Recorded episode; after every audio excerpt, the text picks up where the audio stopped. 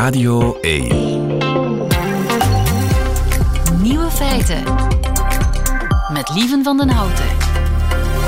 Dag en welkom bij de podcast van Nieuwe Feiten van vrijdag 24 november 2023. In het nieuws vandaag dat pornoboek dat een Amerikaanse bibliotheek in Missouri wil verbieden. De titel is Hoe seks hebben als een pornoster. Tips van de pros. Ik citeer letterlijk. Het is geschreven door een homoseksuele pornoster die collega's over homoseks interviewde. Vijf jaar geleden kocht de bibliotheek het boek aan omdat het toen het enige direct beschikbare boek was over homoseksualiteit in de regio. Maar een comité besliste nu dat het boek toch wat te ver ging, want sommige expliciete foto's hadden niks meer te maken met de tekst die erbij stond. En een hoofdstuk als Hoe maak je een sekstape ging uh, toch een beetje ver. Uh, volgens dat comité. Het uh, moest trouwens eerst een paar extra exemplaren van het boek bestellen, dat comité, voor ze konden oordelen, want het enige exemplaar van de biep was uitgeleend toen het evaluatieproces begon.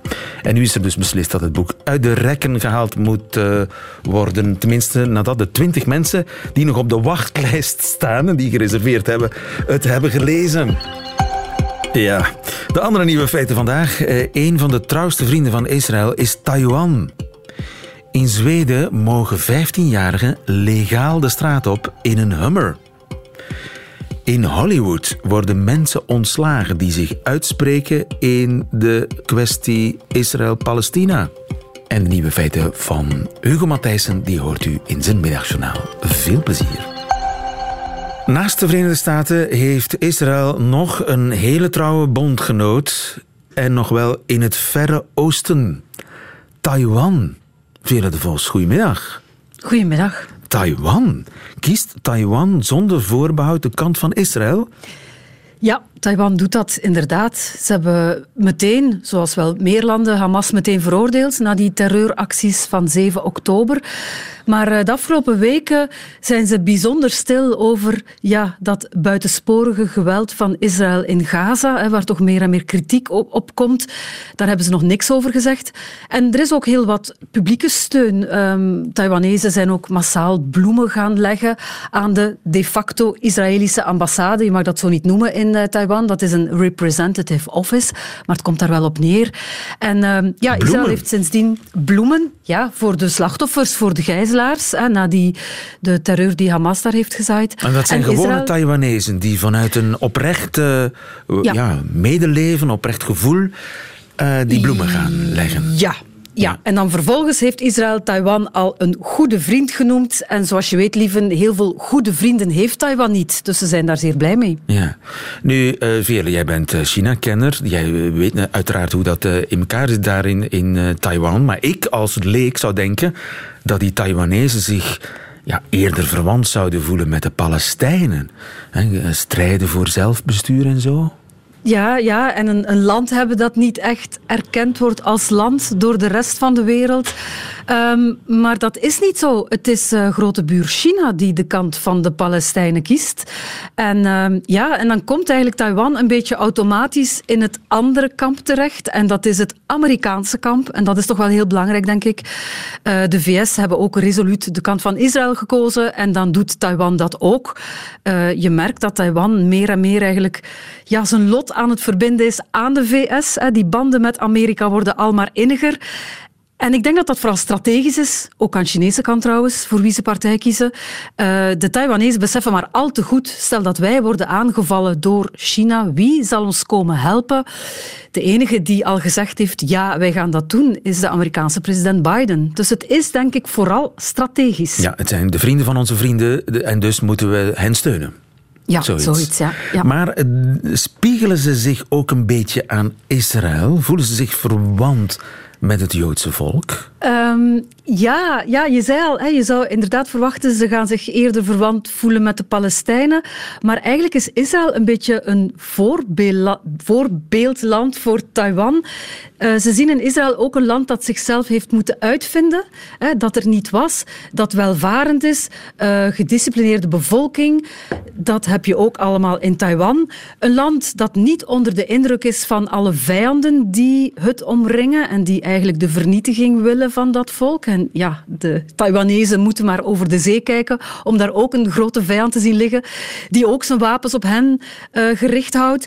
Um, en ze laten zich niet kennen. Ze tonen hun tanden, ze, ja, ze, voilà, dat is het vooruit. Eigenlijk. Ja, ze laten zich niet imponeren door hun vijanden. Uh, een heel sterk zelfbewustzijn, dat heb je ook in Taiwan. Taiwan is natuurlijk heel lang ja, de speelbal geweest van allerlei grotere machten. Iedereen heeft dat daar ooit gekoloniseerd. De Nederlanders, de Chinezen, de Japanners. En de afgelopen tientallen jaren is dat een democratisch land geworden, heel zelfbewust, uh, met een grote dreigende buur. En ik denk dat ze daarin eigenlijk ja, een beetje een link zien met, uh, met, met Israël. En kennen ze Mozes? ze, kennen, ze kennen Mozes, jawel. En dat heeft ermee te maken dat in Taiwan, um, in tegenstelling tot in China, veel langere tijd missionarissen actief zijn geweest.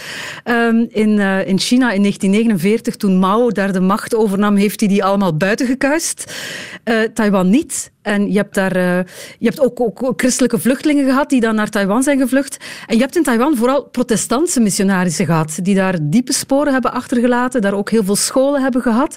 En je hebt daar ja, een van de grootste presidenten, Li Tenghui van de Kuomintang. Die man is aan de macht geweest van 88 tot 2000 en die vergeleek zichzelf met Mozes. Die zei, wij, ik ben de man die Taiwan uit de schaduw van China heeft geleid. Zoals Mozes die de Israëli's uit Egypte heeft geleid. Eh, en dat was iemand die christelijk was, die had zich als jongeman laten bekeren tot het protestantisme. En eh, ja, je zou kunnen zeggen, mensen zeggen, ja, die christelijk-joodse cultuur, die heeft eigenlijk veel meer uh, sporen nagelaten in Taiwan dan in China bijvoorbeeld, waar ze er alles aan doen om, ook nu nog, hè, president Xi Jinping, om die westerse invloeden buiten te houden, want die zouden nefast zijn voor de Chinese cultuur. Juist, ja. En sympathie voor de Palestijnen, dat hebben ze niet. Oh, ja, de vraag is in hoeverre China, dat zich dan resoluut achter de Palestijnen schaart, heel veel sympathie heeft voor de Palestijnen. Want daar zou je meteen de parallel kunnen trekken met de Oeigoeren, ook een moslimvolk in China dat een eigen staat wil, dat zelfbestuur wil of meer zelfbestuur. En dat wordt helemaal genegeerd door de Chinezen. Die Oeigoeren hebben bijzonder weinig te zeggen en zitten voor een groot deel ook in, in kampen. Uh, dus ja, het lijkt dan ook niet logisch dat China juist de kant van de Palestijnen kiest. Maar het is een soort stratego op grote schaal, denk ik. Uh, je ziet meer en meer. Hè, als China, als de Amerikanen partij kiezen voor Oekraïne, voor Israël, dan China wacht altijd even af en gaat dan in het andere kamp zitten. En dan, van Rusland en van de... Ja, en Taiwan uh, gaat dan weer in het Amerikaanse kamp zitten. Nu, die liefde voor Israël, is die wederkerig? Um, ja... Israël Houdt Israël dus, ook van Taiwan? Ja, dat is de vraag. Uh, Israël heeft al tegen Taiwan gezegd, jullie zijn een goede vriend. Ze hebben ooit ook wapens geleverd. Dus er zijn wel al langer um, uh, relaties tussen uh, Taiwan en Israël maar in de jaren 70. diplomatieke relaties, want er is geen ambassade, je zei het er net. Nee, nee maar niemand, niemand heeft een ambassade in Taiwan. Hè. Lieven, alleen een paar van die kleine staatjes die, ja, ook, om, ook niet heel duidelijk, die nog diplomatieke banden houden met Taiwan, maar dat zijn dan echt petiterige Caribische eilanden of, of enkele Zuid-Amerikaanse landen. Niemand heeft daar officieel een ambassade, maar iedereen, wij ook, hebben daar een representative representative office. En met een, met een functionaris die eigenlijk de taken van een ambassadeur heeft. Israël heeft dat daar ook. En vandaar dat dan de Taiwanese daar bloemen zijn komen leggen. Maar er zijn ehm, ook goede banden commercieel. Hebben ze wapenleveringen, weet ik veel. Ze hebben, ja, ze hebben, ja, ja, ze hebben wapens geleverd ooit in de jaren zeventig. Er zijn goede commerciële banden. Maar het is niet zo dat Israël nu plots Taiwan gaat erkennen, bijvoorbeeld. Uh, dat zit er niet in. Uh, het blijft allemaal iets, uh, iets verder af. het is vooral ja, strategen op grote schaal. Ik wil er wel bij zeggen, um, je hebt in, in Taipei ook al een aantal pro-Palestijnse betogingen gehad. Klein weliswaar, want ja, Taiwan is een democratie, dus iedereen mag daar zeggen wat hij denkt. En je hoort de laatste tijd toch ook wel wat kritische Taiwanezen die zeggen, ja, moeten wij zomaar blindelings achter de VS blijven lopen? Uh, een groot deel van de wereldbevolking schaart zich intussen achter Gaza en zal ons daar ooit op afrekenen. Want als wij ooit worden aangevallen door China, ja, dan zal de rest van de wereld zwijgen. En eigenlijk hebben we de steun van zoveel mogelijk landen in de wereld nodig. Dus je hoort toch ook wel wat kritiek op die uh, positie van Taiwan, maar het is afwachten of dat iets gaat veranderen de volgende ja. weken. Taiwan die zich uh, identificeert met David, kennelijk. Dankjewel. Veerle de Vos, goedemiddag.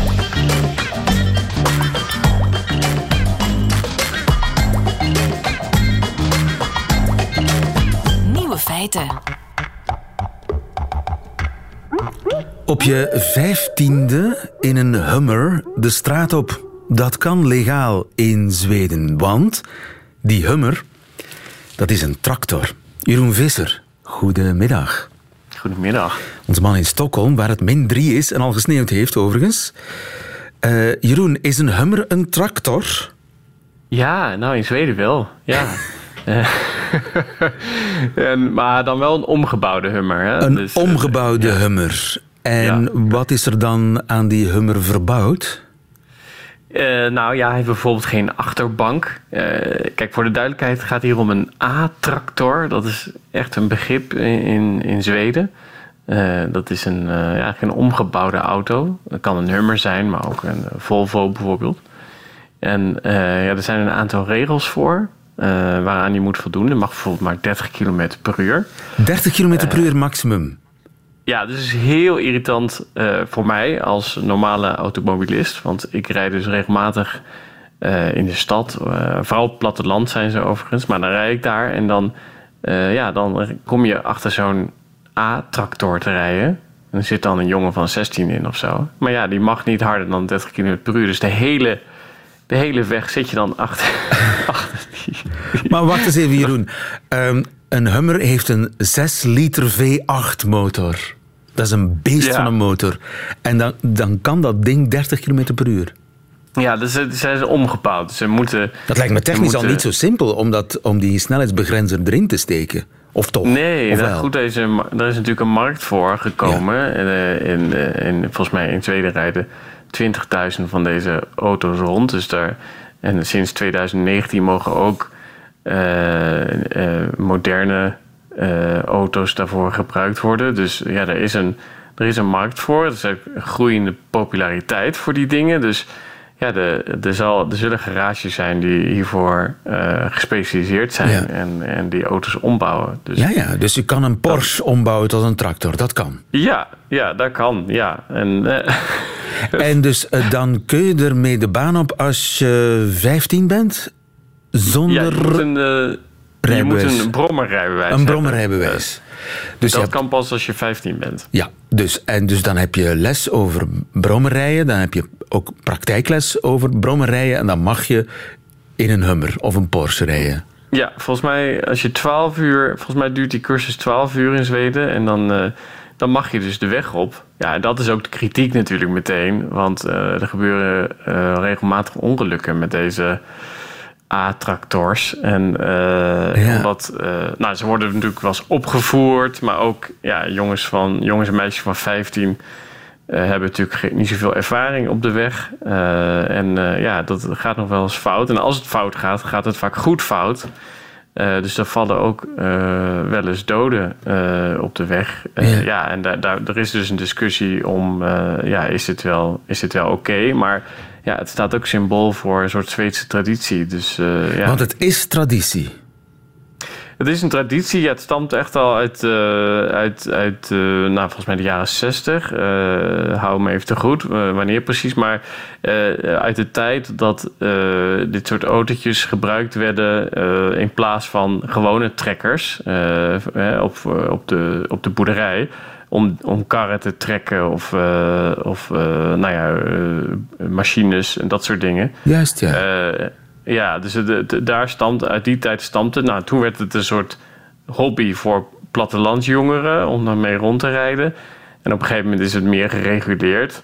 En is een A-tractor nu een ja, formeel onderdeel van het Zweedse verkeer. Ja, je kunt ermee naar school rijden. Je kunt ermee naar school rijden, ja. ja. ja.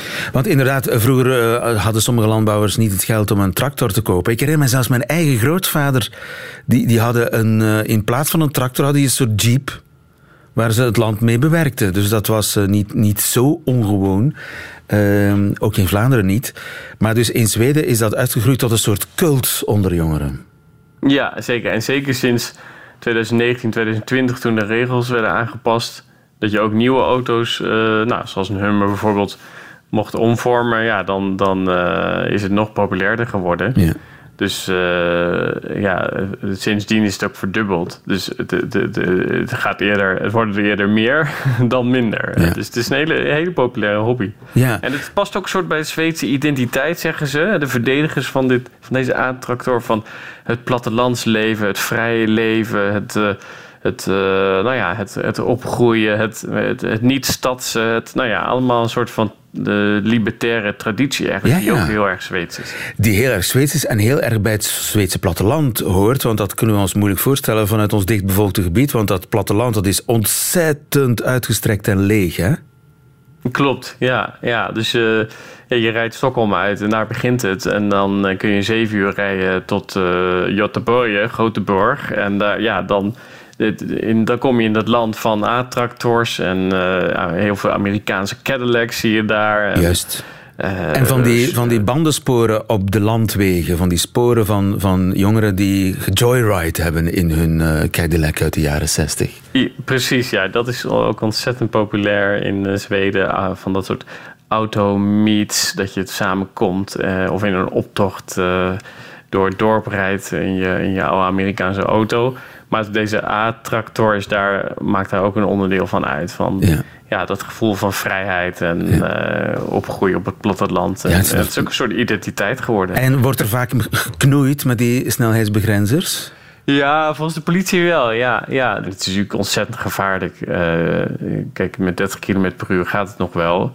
Ook al heb je geen echt rijbewijs. Uh, maar, en zeker op het platteland is het natuurlijk wat rustiger. Maar ga je wat harder, ja, en je zit in met een luide muziek aan in die auto met je vrienden. Ja, het is, ja je, je, wil niet weten wat er allemaal mis kan gaan. Natuurlijk. Ja, dus er gaan steeds meer stemmen op om daar uh, iets aan te doen. Ook uh, het, het, hoofd van de politie van Karlstad heeft dat bepleit. heeft dat oren gekregen in de regering?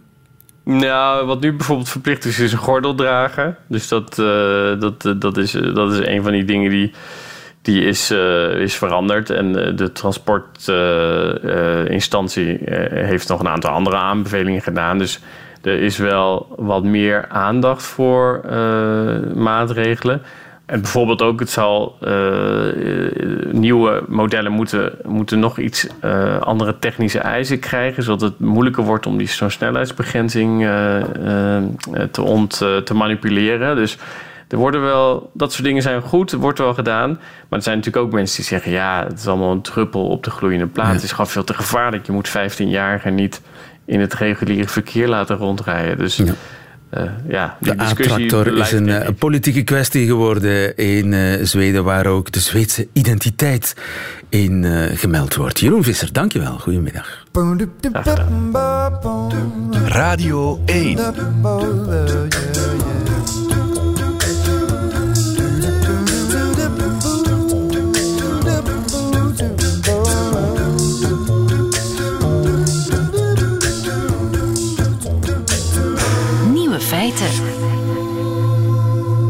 Trio, goedemiddag. Dag Lieven, goedemiddag. Uh, Lieven, jij bent toch uh, onze Hollywood-specialist, hè? onze filmjournalist? Dat probeer ik toch te zijn, ja. Ik hoor zeggen dat het ontslagen regent in Hollywood. Ja, daar uh, kan je inderdaad dat kan je zeggen. Het regent raketten en bommen in het Midden-Oosten en het regent ontslagen in Hollywood. Hoe komt dat? Ja, uh, die Israël-Palestina-kwestie die verscheurt Hollywood. Um, en vooral mensen die zich uitspreken voor Palestina, die, uh, dat wordt hen niet echt in dank afgenomen in Hollywood. Uh, ik denk dan bijvoorbeeld in de eerste plaats aan actrice Susan Sarandon, die altijd wel geprezen werd om haar politieke engagement en haar durf om zich uit te spreken. Maar nu is ze op straat gezet door haar talent agency, UTA. Um, ze was naar een, ja, naar een aantal pro-Palestijnse betogingen gegaan en ze had trouwens ook al wel vaker haar sympathie voor voor uh, Palestina uitgesproken. En ze had nu op zo'n betoging iets gezegd in de zin van ja, veel mensen zijn nu bang om Joods te zijn door dan de antisemitische reacties die er komen. En zij ondervinden nu ook hoe het voelt om een moslim te zijn in dit land. Hup, buiten gegooid. Ja, en buiten gegooid. En wat betekent, wat betekent dat voor Susan Sarandon? Ja, Staat dat ze echt op straat, geen werk meer? Nee, zo ver gaat dat niet, want het wil zeggen dat zij op, op, zoek, moet naar een nieuw talent agency. Dus een nieuw bureau dat eigenlijk voor haar mee helpt te zoeken naar nieuwe projecten. Dus ze is niet per se uh, werkloos voor de rest van haar carrière, maar ze moet nu wel een nieuw agency vinden. En dat kan, gezien het huidige klimaat, misschien moeilijk worden. Ja, en uh, zij is niet de enige die problemen heeft. Nee, nee, nee. Inderdaad, je hebt ook uh, Melissa Barrera, ook een actrice, een jonge actrice. Uh, die heeft echt een rol verloren. Dus niet gewoon ontslagen door een agency, maar echt een rol kwijt. Um, ze is ontslagen uit Scream 7, waarvan ze de twee vorige uh, afleveringen ook al de hoofdrol speelde, of een van de hoofdrollen. En bij haar kwam dat vooral door een lange reeks berichten die ze op Instagram had gepost. En waar, waarin ze Israël van oorlogsmisdaden beschuldigde en ook de vrijheid van Palestina bepleitte. Ja, dus agents vallen, actrices actrices vallen. Uh, en dat terwijl Hollywood in de meeste politieke kwesties. Ik denk aan Trump bijvoorbeeld. Ik denk aan abortus. Dan is Hollywood ja. toch ja, stevig uh, eensgezind. Absoluut, ja, dat is uh, heel erg zo. Uh, Hollywood wordt over het algemeen bekeken als een soort liberal bastion. Uh, grote eensgezindheid. tijdens de pandemie bijvoorbeeld ook was iedereen er wel min of meer over eens dat je je moest laten vaccineren. Um, maar ja, over Israël en Palestina is er wel een heel diepe verdeeldheid, omdat de, de breuklijnen ook gewoon anders lopen. Want dit, is, dit thema is niet echt een kwestie van links versus rechts of van progressief versus conservatief. Je ziet dat bijvoorbeeld ook binnen de Democratische Partij. Daar is ook verdeeldheid Er werd onlangs een, een enquête gedaan over hoe democratische stemmers kijken naar de oorlog in Israël en Gaza. En, en daaruit blijkt dat maar net iets meer dan de helft van de democraten vindt dat president Biden, hun eigen president, dat hij zich juist opstelt ten opzichte van die oorlog. En dus diezelfde gespletenheid die zie je nu ook in Hollywood. Ja, dus ook aan de linkerkant in Amerika is er uh, geen eensgezindheid over de reactie die de Amerikanen moeten hebben tegenover het conflict in, uh, in Gaza. En Juist. Is, heeft dat ook te maken met uh, wat, wat dan vaak genoemd wordt de Joodse invloed in Hollywood? Heel veel grote producers um, waren Joods, hè, toch? Ja, Juist, ja. Je moet opletten natuurlijk met hoe je dat formuleert, want er, er wordt nog altijd wel eens gezegd Hollywood wordt uh, geregeerd door Joden. Dat is absoluut niet meer het geval. Er is wel een grote uh, Joodse ja, vertegenwoordiging in Hollywood. En inderdaad, in de eerste helft van de 20e eeuw, toen alle grote studio's werden opgericht in, in Amerika, alle studio's die we nu nog kennen, die werden wel degelijk opgericht door Joodse migranten uit Oost-Europa. Um, dus ja, er is inderdaad een soort Joodse traditie in Hollywood. Natuurlijk is Hollywood intussen ook al wel echt een serieus stuk gediversifieerd. Zit er uh, van alle strekkingen en van alle uh, origines enzovoort in. Maar er is denk ik wel een, een traditie van dat antisemitisme gevoelig ligt in Hollywood. Dat ja. kun je wel zeggen. En dat vertaalt zich nu ook in deze verdeeldheid. En uh, zijn er al carrières echt gebroken? Mensen die nooit meer aan, aan de bak zullen komen, denk je? Dat is moeilijk te zeggen. Hè. Uh, ik denk dat bijvoorbeeld iemand als Susan Sarandon, die zal wel uh, weer op haar pootjes terechtkomen. Maar ja, voor een jonge actrice als Melissa Barrera, die echt wel volop aan het opkomen is, kan dat wel een hindernis vormen. Uh, anderzijds hangt het ook heel duidelijk af van door wie je gesteund wordt. Bijvoorbeeld um, Maha Dakil, dat is een, een, topper, een topvrouw bij talent agency CAA. Ze is daar ook co-hoofd van de filmafdeling. Zij is wel haar topfunctie nu kwijt binnen dat agency. Die, dus co-hoofd van de filmafdeling is ze niet meer door uitlatingen over uh, die oorlog. Maar anderzijds, ze is ook niet op straat gezet. Ze is niet ontslagen. En dat komt omdat ze de agent is van Tom Cruise. Uh, toch een van de belangrijkste namen in Hollywood. Die is speciaal naar het kantoor van CIA afgezakt om haar te komen verdedigen, om te zorgen dat zij niet ontslagen zou worden. En dat is dus ook gelukt. Ze is mogen aanblijven als agent. Dus uh, ja, het hangt er ook een beetje vanaf hoe goed je netwerk is in Hollywood, denk ik. Ja, Hollywood worstelt met de oorlog in Gaza. Lieve trio, hou ons op de hoogte. Dankjewel. Goedemiddag. Goedemiddag. Doe ik. Dag. Nieuwe feiten. Vrijdagquiz. Ja, uit met de pret. Want uh, Gilles Wijkmans is erbij komen zitten. Goedemiddag, Gilles. Hallo. De strengste quiz uh, ter wereld. Weer samengesteld. De moeilijkste, een van de moeilijkste ook, hè, toch? Ja, go home, slimste mens van de wereld. Inderdaad, we spelen met Erik. Goedemiddag, Erik. Goedemiddag, lieve, goedemiddag.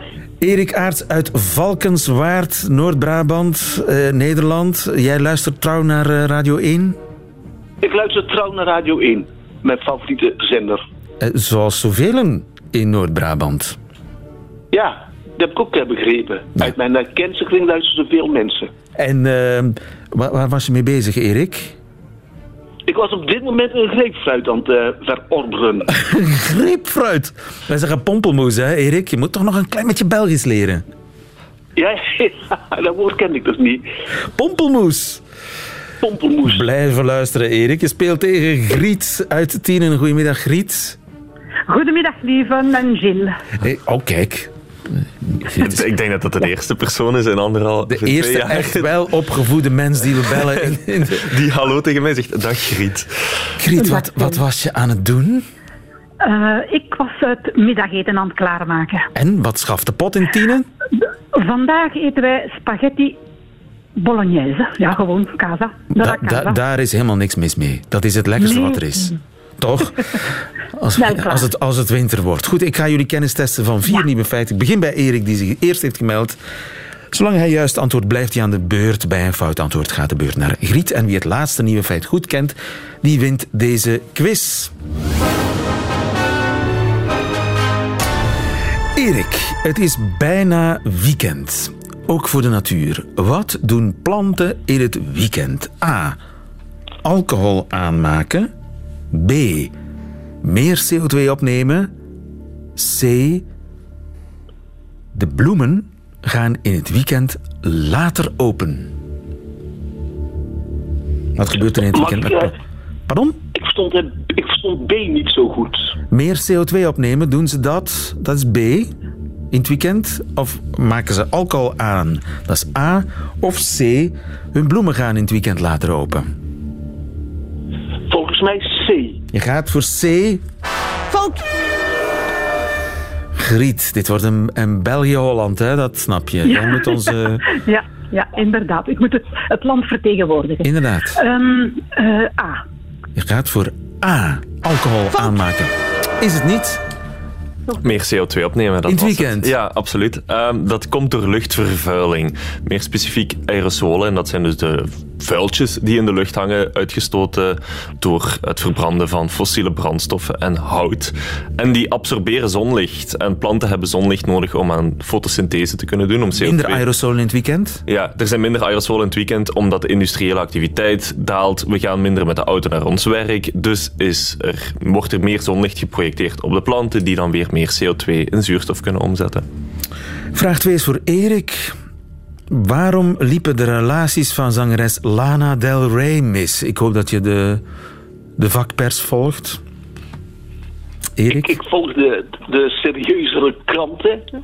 Dus la- laat maar komen, die vraag. A. Haar huis was te shovel. B. Ze bleef maar praten over metafysica. C. Haar uitgebreide sportkennis intimideerde de mannen. Waarom liepen haar relaties mis, Lana Del Rey?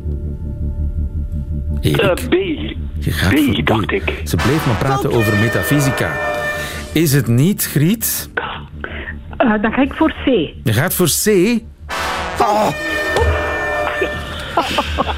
Nee, haar uitgebreide sportkennis intimideerde niet de mannen, maar het was haar chauvele huis, inderdaad. Lana Del Rey is een enorm populaire zangeres. 56 miljoen maandelijkse luisteraars op Spotify. Dus heeft een aardig centje op haar rekening staan. Alleen is dat dus niet aan haar huis te zien. Haar gazon zou vergeeld zijn, de trap kapot, de stoffen van de zetels zouden compleet verbleekt zijn. En blijkbaar kunnen de mannen waarmee ze date daar niet mee om. Ze zegt, Liedjes. zelfs de chillste mannen die ik leer kennen kunnen niet chillen in mijn huis, zegt ze. Dus Ja. vandaar. Goed, eh, Holland is weer aan de beurt. Tenminste, Noord-Brabant. Dat is niet echt Holland, hè? Erik, wat is nu wetenschappelijk bewezen over feministen? A. Dat het betere minnaars zijn. B. Dat ze mannen niet haten. C. Dat ze betere chauffeurs zijn. Je denkt B. Ze haten mannen niet. Dat is helemaal goed. Feministen haten mannen niet. Ja, 10.000 mensen, mannen en vrouwen, zijn voor dat onderzoek bevraagd. En uit heel wat landen, eh, Italië, Polen, VS, China, India, Zuid-Korea, Zuid-Korea Groot-Brittannië. Ehm, en dan blijkt dus dat feministen helemaal geen hekel hebben aan mannen. Ehm, Poolse, Italiaanse, Britse en Amerikaanse feministen ble- bleken zelfs even positief tegenover mannen te staan als niet-feministen. Zo, dat misverstand is definitief uit de wereld geholpen. Slotvraag, Erik. Als je die goed hebt, win je deze quiz. Waar krijgen de Finnen vandaag de dag geld voor? A. Praatjes slaan met de buren. B.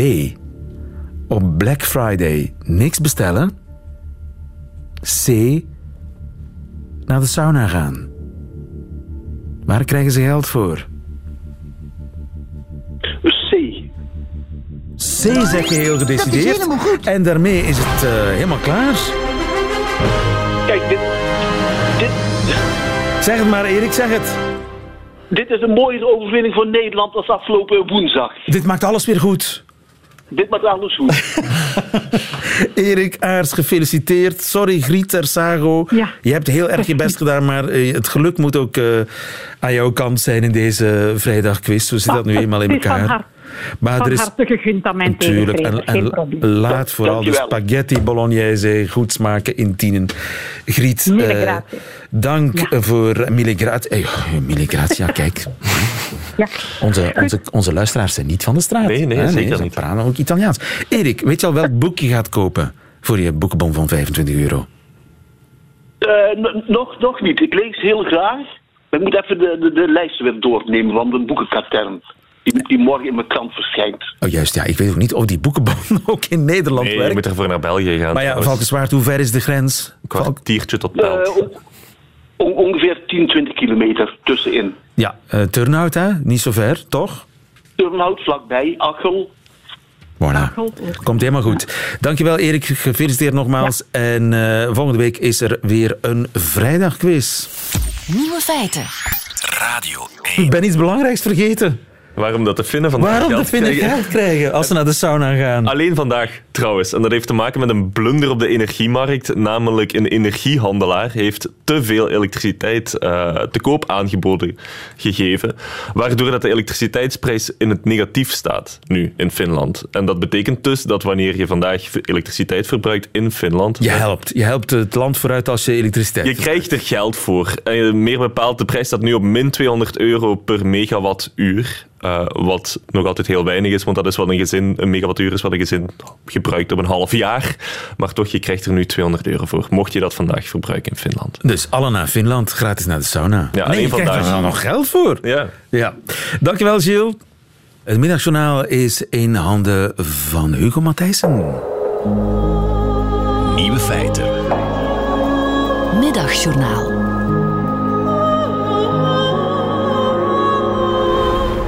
Ik wuif deze week graag uit met een kleine hulde aan dit huis via een omwegje. Zowat een maand geleden mocht ik een literaire prijs ontvangen, zeg maar de Nobelprijs voor de betere rijmelarij. En dat gebeurde in een Antwerpse boekhandel. Met toespraken en bloemen en zang en dans en zo. En met de nodige tranen van dankbaarheid en ontroering. Een uurtje voor de aanvang der feestelijkheden deelde de mevrouw van de promotie mee dat de VRT een interview wenste voor het journaal Laat.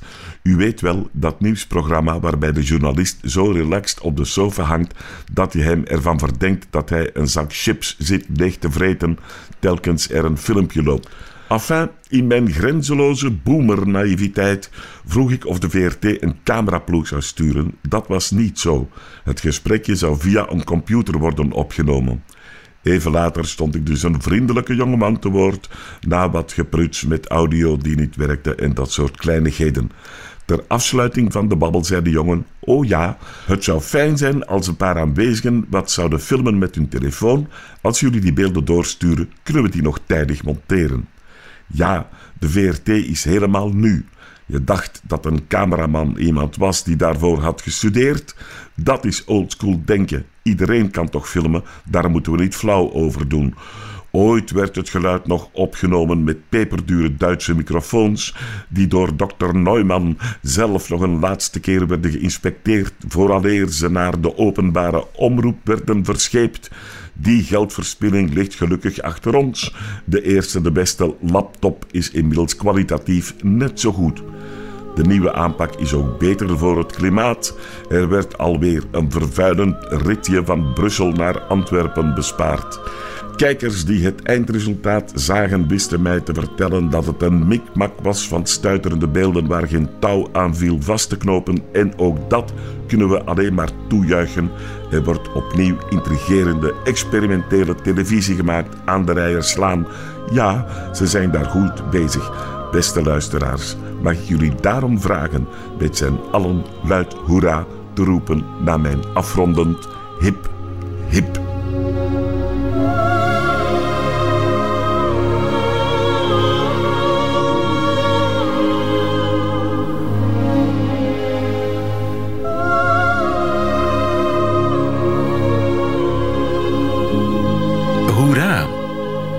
Matthijssen in het Middagjournaal. Einde van deze podcast. Hoort u liever de volledige nieuwe feiten, dat wil zeggen met de muziek erbij. Dat kan natuurlijk elke werkdag tussen 12 en 1 via Radio 1 Live of uitgesteld via de app van VRT Max. Tot een volgende keer.